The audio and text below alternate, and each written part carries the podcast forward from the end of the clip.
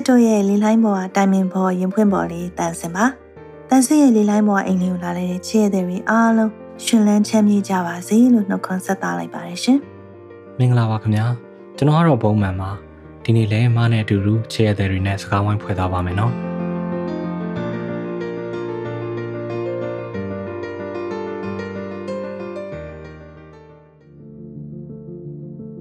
ချစ်ရတဲ့တွေဒီနေ့ဇန်နဝါရီလ29ရက်နေ့နော် နောက်နှစ်ရက်နေတန်စနိုးနိုင်ငံမှာမတရားအာဏာသိမ်းဖို့ကြိုးစားကြတဲ့သူတွေကြောင့်နိုင်ငံရေးကဆိုးစိုက်တာတစ်နှစ်ပြည့်တော့မယ်ဟုတ်တယ်နော်တရားမျှတမှုဆိုတာကိုမျက်ကွယ်ပြုထားတဲ့ဆက်အာဏာရှင်တွေနဲ့သူတို့ရဲ့ဖက်တော်သားတွေကပြည်သူလက်ထဲမှာပဲရှိတဲ့အာဏာကိုမတရားလုပ်ခဲ့ကြတာလေအဲ့ဒီကလေးကတရက်မပြတ်နှီးမျိုးစုံနဲ့တပ်ဖြတ်နှိပ်စက်ညှဉ်းပန်းခဲ့တာဒီနေ့အထိပဲလေဒီလိုဖိနေပေမဲ့ကျွန်တော်တို့ပြည်သူတွေကလည်းကြက်ညက်ခံစန့်ကျင်နေခဲ့ကြတာအခုဆိုရင်350နဲ့3ရက်တောင်ရှိနေပြီမှာဒါဟာ မတရားအုပ်ချုပ်ခြင်းနဲ့စစ်အာဏာရှင်စနစ်ကိုပြည်သူတွေဘလောက်ယုံမုံပြီးအမြင့်ဖြတ်ချင်နေတယ်လဲဆိုတာကိုမြင်သာစေတဲ့အချက်တစ်ခုပဲနော်ဟုတ်တယ်မိုင်ဒီဒေါ်လာကြီးကနိုင်ငံရေးသမားတွေနဲ့ပဲပတ်သက်တဲ့နိုင်ငံရေးအပြိုင်ပွဲတစ်ခုမဟုတ်ဘူးလေပြည်သူတွေကိုယ်တိုင်လိုချင်တဲ့စစ်မှန်တဲ့လွတ်လပ်ခွင့်ကိုအရယူဖို့တိုက်နေတဲ့ပွဲအသက်အရွယ်မျိုးစုံဘဝမျိုးစုံကပြည်သူတွေပါဝင်နေတာတိတ်ဝေးဝေးပြေးကြည့်ဖို့တော့မလိုပါဘူးဟုတ်တယ်လေတခြားမကြည့်နဲ့တန်းစင်းအောင်ပဲကြည့် တန်စင်တို့ဆိုရင်မိသားစုထဲမှာလည်းမကဘူးဆွေမျိုးတွေထဲမှာပါနိုင်ငံရေးသမားလည်းမရှိဘူးစစ်သားလည်းမရှိဘူးခေအဆက်ဆက်ဘဲမင်းတက်တက်ကိုစီးပွားရေးပဲကိုဘာသာကိုအေးအေးဆေးလုပ်နေရရင်တော်ပြီဆိုတဲ့မိသားစုမျိုး2009ရွှေဝါရောင်တော်လှန်ရေးတုန်းကဆိုရင်လည်းဆန္ဒထွက်ပြရတဲ့သူတွေဖြိုခွဲခံရတာကြားရမြင်ရတော့စိတ်မကောင်းနေဖြစ်ရပါမယ်။အော်ငါဘာလုပ်နိုင်မှာလဲငါနိုင်ငံရေးနဲ့တလုံးမှနားလဲတာမဟုတ်ဘူး။ငါတယောက်တည်းနဲ့ဘာထူးမှလဲဆိုတာလောက်နဲ့ပဲပြီးသွားတာလေ။ ဒါပေမဲ့ဒီတစ်ခါတော့အဲ့ဒီလိုလုံးဝမဟုတ်တော့ဘူးစိတ်ဝင်စားသွားပြီမကြီးဒီတစ်ခေါက်ကြာမှဘာဖြစ်လို့ပြောင်းလဲသွားလဲอืมအမှန်တိုင်းပြောရမယ်ဆိုရင်လေအခုလဲနိုင်ငံရေးအခင်းကျင်းနေနီးပြူဟာတွေကိုနားမလည်ဘူးတိတ်လဲစိတ်မဝင်စားဘူးဒါပေမဲ့မဆိုင်သလိုနေလို့မရတော့ဘူးဆိုတာတော့တိတ်တိတ်ချာချာသိလာတယ်စဉ်းစားကြည့်လေဒီနိုင်ငံမှာတန်စင်တို့တသက်ပါဇက်ကတော့အမျိုးဘာသာသာသနာကိုကာကွယ်တယ်ပြောပြီးတော့ မျက်စိကတော့ကိုကြိုးပဲကွက်ကြည့်ကြတဲ့လူတွေလက်အောက်မှာငြိမ်ဝတ်ပြပြားပြီးနေခဲ့ရတာမလား2015လောက်ရောက်အောင်မှလူလူတူတူတိုးတက်လာမဲ့အရေးအယံလေးပြလာတာအင်တာနက်တို့ဟန်ဖုန်းတို့ဆိုတာမျိုးလူတိုင်းသုံးခွင့်ရလာခါစားပဲရှိသေးတယ်အစိုးရဆိုရင်လည်းပြည်သူချစ်တဲ့ပြည်သူကရွေးထားတဲ့ခေါင်းဆောင်နဲ့နိုင်ငံတကာမှာဆိုရင်လည်းဘလောက်ဂုဏ်ယူရလဲလူငယ်တွေအတွက်အခွင့်အလမ်းတွေဘလောက်တောင်တိုးပြီးရလာတယ်လဲဒီလိုအခြေအနေလေးတွေကလွယ်လွယ်နဲ့ရလာတာမဟုတ်ဘူးဆိုတာကို နိုင်ငံရေးစိတ်ဝင်စားတဲ့သူကစိတ်မဝင်စားတဲ့သူပါသိနိုင်တယ်ခံစားနိုင်တယ်စစ်တပ်ဘက်ကိုကြည့်ရင်လဲသူတို့ကိုဖယ်ရှားလို့မရနိုင်တဲ့လမ်းကိုအခြေခံဥပဒေထဲမှာကအစထည့်ပြီးတော့ဖောက်ထားပြီးသားငွေကြေးဥစ္စာဆိုရင်လည်းသူတို့အပြင်ချမ်းသာတာနှစ်ယောက်မရှိဘူးပြည်သူတွေကဒါကိုတစ်ချိန်လုံးရန်လုံနေတာလည်းမဟုတ်ဘူးသူတို့သူတို့ဘာသာနေပါစေဆိုပြီးတော့ထားထားတာတလောက်တောင်မှသူတို့ဘက်ကအသာစီးရနေပြီးသားဟာကို အေးအေးချမ်းချမ်းနေနေတဲ့ပြည်သူတွေကိုမတရားသဖြင့်အနိုင်ကျင့်တာကိုတန်စင်ရခံပြင်းတာတကဘာလုံးကိုရိုနာကတ်ဆိုင်နေလို့ချမ်းသာတဲ့နိုင်ငံကြီးတွေမှာတော့မနှေးကြကန်နေရတဲ့အခြေမျိုးမှာအခုလိုလှုပ်ရက်တာကိုမကျေနပ်တာနောက်ပြီးတော့သူများနိုင်ငံတွေကဆေးပညာတွေနည်းပညာတွေတိုးတက်ဖို့အာကာသအထိခြေချနိုင်ဖို့အပြိုင်အဆိုင်စူးစမ်းနေတဲ့အချိန်မှာတိတိရင်နဲ့တိုင်းပြည်ကိုကြောက်ထဲဆွဲချတာလေအဲ့ဒါကိုအင်မတန်ဒေါသထွက်တယ် အားနေတဲ့သူတွေကတော့မှတီးခံပြီးတော့သူတို့ရသလောက်လေးစူးစမ်းထားတဲ့ဟာကိုတတ်တတ်မဲ့ကြီးအနိုင်ကျင့်လွန်အားကြီးတာကိုလုံးဝသိမခံနိုင်ဒီတော့ဒီတစ်ခါလဲအရင်တော့လိုပဲစိတ်မကောင်းလိုက်တာဆိုပြီးမျက်ရည်ကျနေုံနဲ့ပြီးပေးလိုက်ရင်ဒီလိုလူတွေပိုများလာမှာနောက်လဲဒါမျိုးအချိန်ပေါင်းများစွာထပ်ပြီးတော့အနိုင်ကျင့်နေအောင်ပါအဲ့တော့ငါတို့လက်နဲ့ငါတို့ခင်မှာအပီးတက်ရမယ်ဆိုပြီးတော့လှုပ်ရှားခဲ့တာကျွန်တော်လည်းမလိုပါပဲကျွန်တော်လည်းကိုယ် professional လုပ်ငန်းနိုင်ငံရေးနဲ့ဝေးပါတယ် ဒါပေမဲ့လေခံမြင့်ဒေါသထွက်လုံးတော့နိုင်ငံအရေးမှာလူငယ်တယောက်အနေနဲ့မပါလို့မဖြစ်တော့ဘူးဆိုပြီးလမ်းပေါ်ထွက်တာကနေစခဲ့တာပါပဲอืมမလည်းဒီလိုပဲဆဆချင်းတော့ကတော့ဘာလို့မှမသိဘူးလေကိုကနိုင်ငံရေးလောကလည်းမဟုတ်တော့အဲ့တော့ဘာလို့လဲဆိုတော့အရင်ဆုံးဆန္ဒပြတယ်ငါတယောက်တည်းနဲ့ဘာထူးမှလဲဆိုတဲ့စိတ်ကနေငါတယောက်ရဲ့အားကတန်ဖိုးရှိတယ်ဆိုပြီးတော့ဖြစ်လာတယ်အဲ့ဒီလိုလုပ်ရင်းနဲ့ကိုမှရှိတဲ့အရေးချင်းနဲ့အကောင်းဆုံးလုပ်နိုင်တဲ့တော်လှန်ရေးတာဝန်တွေကိုတွေ့လာရတယ် ဥပမာပြောရရင်တန်စင်းကဘာသာစကားကျွမ်းကျင်တယ်ပေါ့နော်အဲ့တော့မြမတည်င်းတွေကိုနိုင်ငံတကာသိအောင်လုပ်တယ်နိုင်ငံတကာကမြန်မာအရေးနဲ့ပတ်သက်တဲ့သတင်းတွေလုပ်ငန်းတွေဆိုလို့ရှိရင်ပြည်သူတွေသိအောင်ပြန်လုပ်ပေးတယ်။ကို့မှာရှိပြီးသားအတိုင်းဝိုင်းတွေကနေပြီးတော့ရင်ဘတ်ချင်းနေတဲ့သူတွေနဲ့ချိတ်ဆက်ပြီးကိုယ်စွမ်းညံစွမ်းရှိသမျှထုတ်သုံးပြီးတော့ ရလက်ကိုအကောင်းဆုံးထွက်လာအောင်စ조사ပြီးတော့လုပ်နေတယ်ပေါ့နော်။မှပြောတာသဘောကျလိုက်တာ။ဒီຫນွေဥတော်လှန်ရေးကကျွန်တော်တို့လိုမျိုးဖိနှိပ်မှုရောဒီမိုကရေစီရတာအောင် နှစ်ခုလုံးခံစားမှုတဲ့သူတွေကိုဒီနှစ်ခုတည်းကကောင်းတာလို့ချင်းဘာလို့ရမယ်ဆိုတဲ့အတိဝင်တော့လှုပ်နိုးလိုက်တယ်လို့ပဲနိုင်ငံရဲ့အဆိုးဆုံးအခြေအနေတွေမှာအရက်ဆက်ဆုံးလုပ်ရက်တွေကိုမြောင်ဝါတင်နေကြုံရတွေ့ရတဲ့အခါကျတော့အကြောက်တရားလျော့သွားတယ်စိတ်ဓာတ်တွေလည်းပြောင်းသွားတယ်အမြင်တွေပိုပြီးတော့ပွင့်လာတယ်ကိုယ့်ရဲ့အတန်းကိုယ့်ရဲ့လုပ်ရက်တိုင်းမှာအင်အားရှိတယ်ဆိုတာကိုသိလာရတယ်မတရားအုပ်ချုပ်ဖို့သူတို့တွေစ조사နေတာတစ်နှစ်ပဲကြာနေပြီဒီအချိန်ထိပြည်သူတွေရောနိုင်ငံတကာအတိုင်းဝိုင်းအောင်သူတို့လက်ခံတာနေရာပေးတာလုပ်ကိုမလုပ်တာကိုကြည့်လေ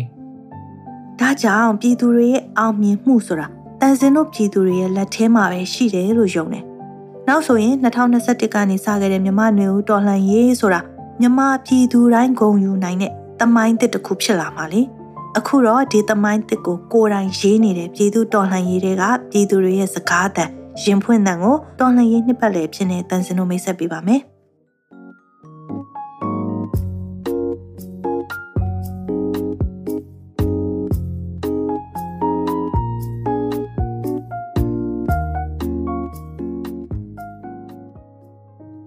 အခုပထမအဆုံးနားဆင်စီချင်တာကတော့ဇာတ်ဆရာမမက်ရွှေမိုးကိုရီးယားရဲ့ရင်းနှီးရစကားတန်မှာမက်ရွှေမိုးကအရင်ကဆိုလို့ရှိရင်သူမကျွမ်းကျင်တဲ့နိုင်ငံရေးစကားကိုအများရှိချပြီးပြောလို့မရှိဘူးတဲ့သူ့ရဲ့စာဖတ်ပရိသတ်တွေထဲမှာစစ်တပ်ကရောအပြင်ရောရှိနေကြတော့တစ်ဖက်နဲ့တစ်ဖက်အွန်လိုင်းပေါ်မှာဆဲပွဲကြီးတွေဖြစ်တာမျိုးမကြိုက်လို့ရှောင်ခဲ့ပါတယ်တဲ့ဒါပေမဲ့2021ခုနှစ် February လ1ရက်နေ့မှာသူတိတ်ပြီးတော့ချစ်ခင်လေးစားရတဲ့အမေစုနဲ့တမရာကြီးဦးဝင်းမြင့်တို့အဖမ်းခံလိုက်ရတာနေစပြီးသူ့ရဲ့ရည်တည်ချက်ခံယူချက်တွေပြောင်းလာပါတော့တယ် ပြည်သူကောင်းဆောင်တွေမရှိလို့ရှိရင်ဖြင့်ပြည်သူတွေဘလောက်တောင်ဒုက္ခရောက်မလဲဆိုတာကိုစိတ်ပူပြီးတော့ဘာလို့ရမလဲရှာရင်နိုင်ငံရေးအကြောင်းပို့ပြီးတော့လေ့လာတယ်ကိုရီးယားနဲ့နိုင်ငံတကာမီဒီယာတွေမှာလည်းပြောတယ်စာတွေလည်းရေးပြတယ်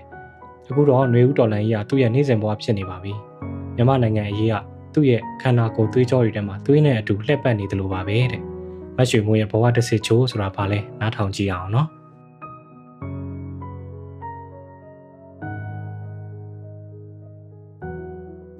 နိုင်ငံရေးဆိုတာပြောတာတဲ့အခါကြလို့ရှိရင်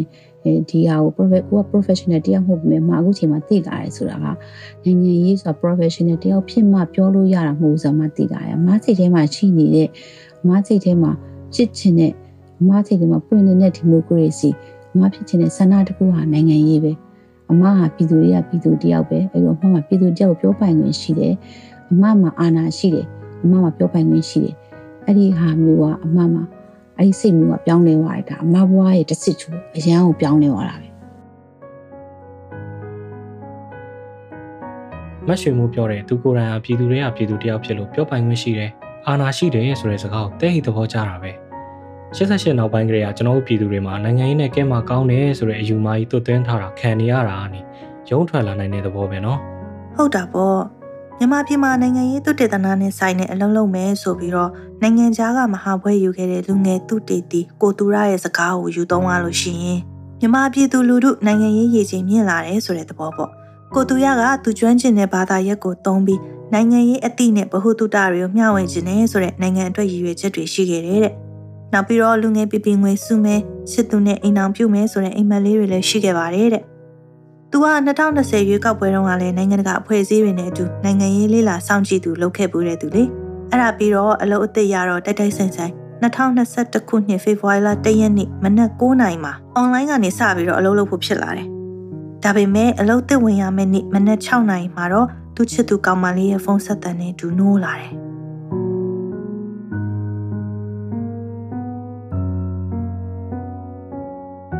ဖုန်းဆက်တော့ဖုန်းကင်တော့ကောင်မလေးကအလန့်တကြားနဲ့ကိုကိုကြီးရဲ့တကယ်အာနာသိမ့်လိုက်ပြီတဲ့ဟာကျွန်တော်ထင်ကိုထင်မထားတာတက်လားဒီ အာနာသိမ့်တာကစစ်တပ်ရဲ့အဖွဲ့အစည်းလိုက် institution လိုက်အကျိုးစီးပွားနဲ့ဓာတ်ရိုက်အချိုးညီမနေဘူးအဆင်ပြေမနေဘူးလို့ကျွန်တော်ထင်တယ်လေသူတို့လောလောဆယ်မှာဒီတိုင်းဆက်သွားအေးစီစီဆက်သွားလို့ရတာပဲဆိုတော့ကျွန်တော်ကအာနာသိမ့်တာကိုမသိမ့်တော့ပါဘူးကွာဆိုပြီးတော့ညှော်မှန်းထားတဲ့ထဲမှာပါပါတယ်ရိုးရိုးသားသားဝန်ခံရလို့ရှင်အဲ့ဒါအာနာသိမ့်ပြီးတော့ကျွန်တော်အင်တာနက်လည်းပြတ်သွားအင်တာနက်ပြတ်သွားတော့ကျွန်တော်အလုပ်က online ကလုပ်ရမှာဆိုတော့ online ကလည်းလုပ်လို့မရတော့ ပြီးတော့နေ့လယ်12နာရီလောက်ထင်တယ်အင်တာနက်ပြန်ရတယ်အင်တာနက်ပြန်ရအလုပ်က email တစ်ခုဝင်လာတယ်အဲနောက်တစ်ပတ်ကိုရွှေ့လိုက်တယ်တဲ့စပြီးတော့ဒီမိတ်ဆက်တဲ့ orientation လုပ်ဖို့ဆိုတော့လောလောဆယ်အလုပ်မလုပ်ရသေးဘူးပေါ့လုပ်စရာအလုပ်မရှိတော့ဘူးပေါ့အဲကျွန်တော်တငယ်ချင်းရောက်လာတယ်အိမ်ကိုရောက်လာရောက်လာပြီးတော့ကျွန်တော်တို့ဟိုအကြီးဆုံးခံစားချက်ကဘာလဲဆိုတော့ မရေရာမှုနဲ့ရှုပ်ထွေးမှုပေါ့လေနောက်ထပ်တစ်ခုကဒေါသပေါ့ကျွန်တော်တို့ဟာဒီကောင်နေလှုပ်လဲလှုပ်ရဲတယ်ပေါ့လေအဲပြီးတော့ဘာတော့ဆိုတော့ကျွန်တော်တို့အတွေးတွေကိုကျွန်တော်တို့တေချာပြန်စုဖို့အချိန်တော်တော်ယူလိုက်ရတယ်တော်တော်တော်တော်ရှုပ်သွားတာစိတ်ထဲမှာဟို surprise ပေါ့လေဟလာဘာလှုပ်လို့လှုပ်ရမှန်းမသိဘူးဖြစ်သွားတာအဲကျွန်တော်တို့ အိမ်ကျွန်တော်အိမ်သူရောက်လာတယ်ကျွန်တော်တို့အိမ်နာလက်ဖက်ရည်ဆိုင်သွားပြီးတော့အကုန်လုံးလဲလက်ဖက်ရည်ဆိုင်မှာလဲလူတွေအများကြီးပဲအဲတူတူတူတူတူတူတူပြောနေကြကျွန်တော်ထင်တယ်အကုန်လုံးပြောနေကြမှာတော့ရှင်းတယ်ဒီအာနာသိန်းတဲ့အကြောင်းပေါ့လေဆိုတော့အဲ့ဒီကစပြီးတော့အခုပါလာလိုက်တာပဲဆိုတော့ဒီဟိုပုံကိုရေးရီမှန်းချက်တွေရောပြီးတော့လို့ရှင် အာနာမသိမ့်ပြလို့ရှင်တိုင်းပြည်အတွက်ဘာလုပ်မယ်ဘာလုပ်မယ်ဆိုပြီးတော့စဉ်းစားထားတဲ့ဟာတွေရောအခုဘာတွေဖြစ်လို့ဖြစ်ကုန်မှန်းကိုမသိတော့ဘူးအခုတော့ပြောရရင်တော့ကြာရနေရပေါ့လေကြာရနေရလုံနေတယ်လို့ပဲကျွန်တော်ပြောချင်ပါတယ်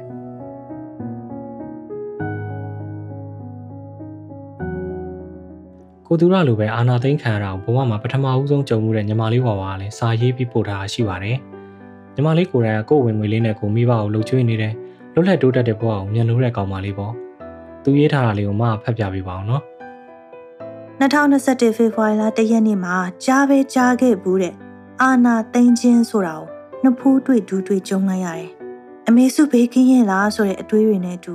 နှစ်ပေါင်းများစွာအချင်းကြခံဘဝနဲ့နေနေခဲ့ရတဲ့ဒီအမျိုးသမီးကြီးကိုအာနာစိတ်ပေါ်လာမိတယ်။နိုင်ငံရေးကိုစိတ်မဝင်စားခဲ့တဲ့ကို တိုးတက်ဖို့အလားအလာရှိနိုင်တဲ့ပါတီကိုသာတာဝန်ကျေအောင်မဲပေးခဲ့တဲ့ကိုအတော့ကိုတုံလှုပ်သွားမိတယ်။နိုင်ငံသားအခွင့်အရေးကစလို့ကိုယ့်ရဲ့မဲကိုအလေးမထားအာနာကောက်သိမ်းလိုက်တာပါလား။အင်တာနက်တွေမီဒီယာတွေအလုံးစုံတီးကနေဖြတ်ချပစ်လိုက်တာပါလား။ငါတို့ခေဟောင်းကြီးကိုပြန်သွားရမှာလား။ငါတို့အလို့အကင်အခွင့်အလန်းတွေဆုံးရှုံးသွားမှာလားငါတို့ရဲ့တိုးတက်လက်ဆဖြစ်နေတဲ့အရာတွေဆုပ်ယုပ်သွားတော့မှလားဆိုပြီးပူပန်မိတယ် အခုတော့တော်လှန်ရေးကြီးကတစ်နှစ်ပြည့်တော့မယ်ရှေ့ကခေါင်းဆောင်လူကြီးတွေကိုပဲအာနာနေရတာအနာဂတ်ကိုတွေးပြီးတော့ပဲပူနေရတာကြီးကိုလက်မခံချင်လို့ကို့အတွက်ကောအားလုံးရဲ့အနာဂတ်အတွက်ပါနိုင်တဲ့နေရာကနေတော့အုတ်တစ်ချက်သေးတပွင့်အဖြစ်နဲ့ဆက်ပြီးပါဝင်နေပါတယ်တော်လှန်ရေးအောင်တဲ့နေ့ရောက်ရင်တော့တိတိချင်းအိမ်ပြင်ထွက်ပြီးထကိုကပြမယ်ခရီးတွေတဝါကြီးသွားဖြစ်မယ်တဲ့ဒီလိုမျိုးလူငယ်တွေဟာသူတို့ရဲ့ရည်မှန်းချက်တွေအိမ်မက်တွေအကုန်လုံးကိုဘေးချပြီး ဒီလိုຫນွေဦးဒေါ်လာရေးမှာအခုလိုကြာရတာဝန်ကနေထမ်းနေကြတာဘာကြောင့်လဲနှစ်ပေါင်းများစွာမြန်မာပြည်မှာအမြင့်တွဲနေတဲ့စစ်လက်နက်အောက်ကအဖိနှိတ်ခံဘဝဟာကျွန်တော်တို့ခင်မှာပဲအပိသက်ဖို့လိုအပ်နေတယ်လို့ယုံကြည်ထားကြလို့ပဲလေဟုတ်တယ်ဒါပေမဲ့တော်လန်ရေးကြီးအောင်မြင်ဖို့ဂျန်စီတွေလူငယ်တွေကိုပဲအားကိုးနေလို့မရဘူးအတွေ့အကြုံရှိတဲ့လူကြီးတွေရဲ့ပံ့ပိုးမှုကလည်းအများကြီးလိုတယ်88အရေးခင်းကိုကိုတွေ့ကြုံခဲ့မှုတဲ့အမျိုးသမီးလုပ်ငန်းရှင်တယောက်ကတော့ သူ့ဘဝမှာစစ်တပ်အာဏာသိမ်းမှုတံကိုဒုတိယအကြိမ်မြောက်ကြုံလိုက်ရတဲ့သူ့အတွေ့အကြုံကိုအခြေခံပြီးတော့တော်လှန်ရေးမှာဘယ်လိုပါဝင်နေသလဲဆိုတာကိုပြောပြပေးထားပါတယ်။အင်မတန်မှဆိုးဝါးလာတဲ့တွေ့ကြုံကြီးကိုဟိုချစ်ချင်းလက်ငင်းခံစားလိုက်ရတယ်ပေါ့နော်ဟိုဒါပေမဲ့ ဟိုလေးကျသွားတဲ့လေးကျနေနေရာမှာနေလို့မရဘူးလေအားလုံးကကုန်ပြန်ထူကိုယ့်ကိုပြန်ထူပြီးတော့ပြန်ထပြီးတော့လုံးဆရာရှိရလုံးကြမှာပဲအာဆက်အသက်ဆက်ဆက်လက်ပြီးရှင်တန်ဖို့လုံးရမှာပဲနောက်ပြီးဒီလိုနေထားမှမကြိုက်ဘူးဆိုရင်ဒီလိုဝိုင်းမှမကြိုက်ဘူးဆိုရင်အာကိုယ်စီရလူသွားတဲ့ပေါ့နော်ကိုအလူခံလိုက်ရတဲ့လွတ်လပ်ခွင့်ကိုအလူခံလိုက်ရတဲ့ကိုယ့်ရဲ့အနာဂတ် အတွက်ကိုကိုကကြိုးစားမှာပဲပေါ့အဲ့ဒီအတွက်ကြောင့်မို့လို့အာအဲ့လိုမျိုးကြိုးစားတဲ့ကိုပဝိညာဉ်လူတွေကိုလည်းအားပေးပါတယ်အာသူတို့ကိုလည်းအများကြီးအာအကူအညီထောက်ပံ့ပေးတယ်ပေါ့နော်ကိုလည်းပဲလိုတာမှန်တယ်များဘာလို့ကိုကိုရဲ့အနာဂတ်ကိုကိုယ့်အကိုကိုလုံးကြမယ်ပေါ့နော်ဒီရင်တော့ကလိုပြန်စဉ်းစားနေတာ လုံးဟိုအနည်း20လောက်20ကျော်လောက်ကိုတခါချိန်နေဆုံးရှုံးရအောင်မလားပေါ့နော်အဲအဲ့လိုကချိန်နေနေတော့အမတန်กว่าတယ်ဟိုအားလုံးကလည်းလူကြီးတွေကလည်းတော်တချို့တော်များများထောက်ပံ့ပြူတယ်ကိုကိုရိုင်ကလည်းကိုလူတွေကိုဟို မှန်ရကန်ရမမှန်ကန်ကန်တွေးရအောင်မှန်ကန်တဲ့လမ်းရွေးရအောင်တော့ လက်ပြဖို့ဆောင်ပါတယ်အတိညီမကြောက်ကပြောမှုလေဟိုလူငယ်တွေကပေါ့နော်လူကြီးတွေကိုကြည့်နေကြတာပေါ့နော်လူကြီးတွေကရှေ့မှာကောင်းကောင်းလမ်းပြမလုပ်နိုင်ဘူးဆိုရင်တဲ့ဒီလူငယ်တွေကတဲ့အမှန်အမှန်ခွဲခြားသိဖို့อ่ะသူတို့တွေအတွက်နောက်ဆိုခက်ခဲသွားလိမ့်မယ်တဲ့နောက်တော့အဲ့ဒီမှာကိုက ဟိုမှားနေတာကိုမပြောပြရေးကြောက်တဲ့စိတ်နဲ့ဝန်ခံနေလိုက်ရင်ဒီဟာဟာဒီကလေးတွေရဲ့ခေါင်းထဲမှာအဲသူတို့တွေကသူတို့ရင်ထဲမှာထားဒီဟာကြီးစိုးသွားလိမ့်မယ်အဲ့တော့ရှေ့ရခေါင်းဆောင်တွေရှေ့ရလူကြီးတွေကလူငယ်တွေကိုလမ်းပြဖို့အတွက်အမတန်ရေးကြီးတယ်ဆိုစကားအမှပြောတော့မမိပါအဲ့ဒါလေအမတန်မှန်တဲ့တရားဖြစ်တယ်ဟိုမှားနေမှမတရားမှန်းသိတာကို ဟိုကိုကခေါင်းဆောင်တယောက်လုပ်နေပြီးတော့ကိုလူလေကိုကိုကဒါမှန်ရအောင်မပြနိုင်ဘူးဆိုရင်ဒီခေါင်းဆောင်ကသိရှိဖို့ကောင်းတဲ့ခေါင်းဆောင်ဖြစ်မှာပဲ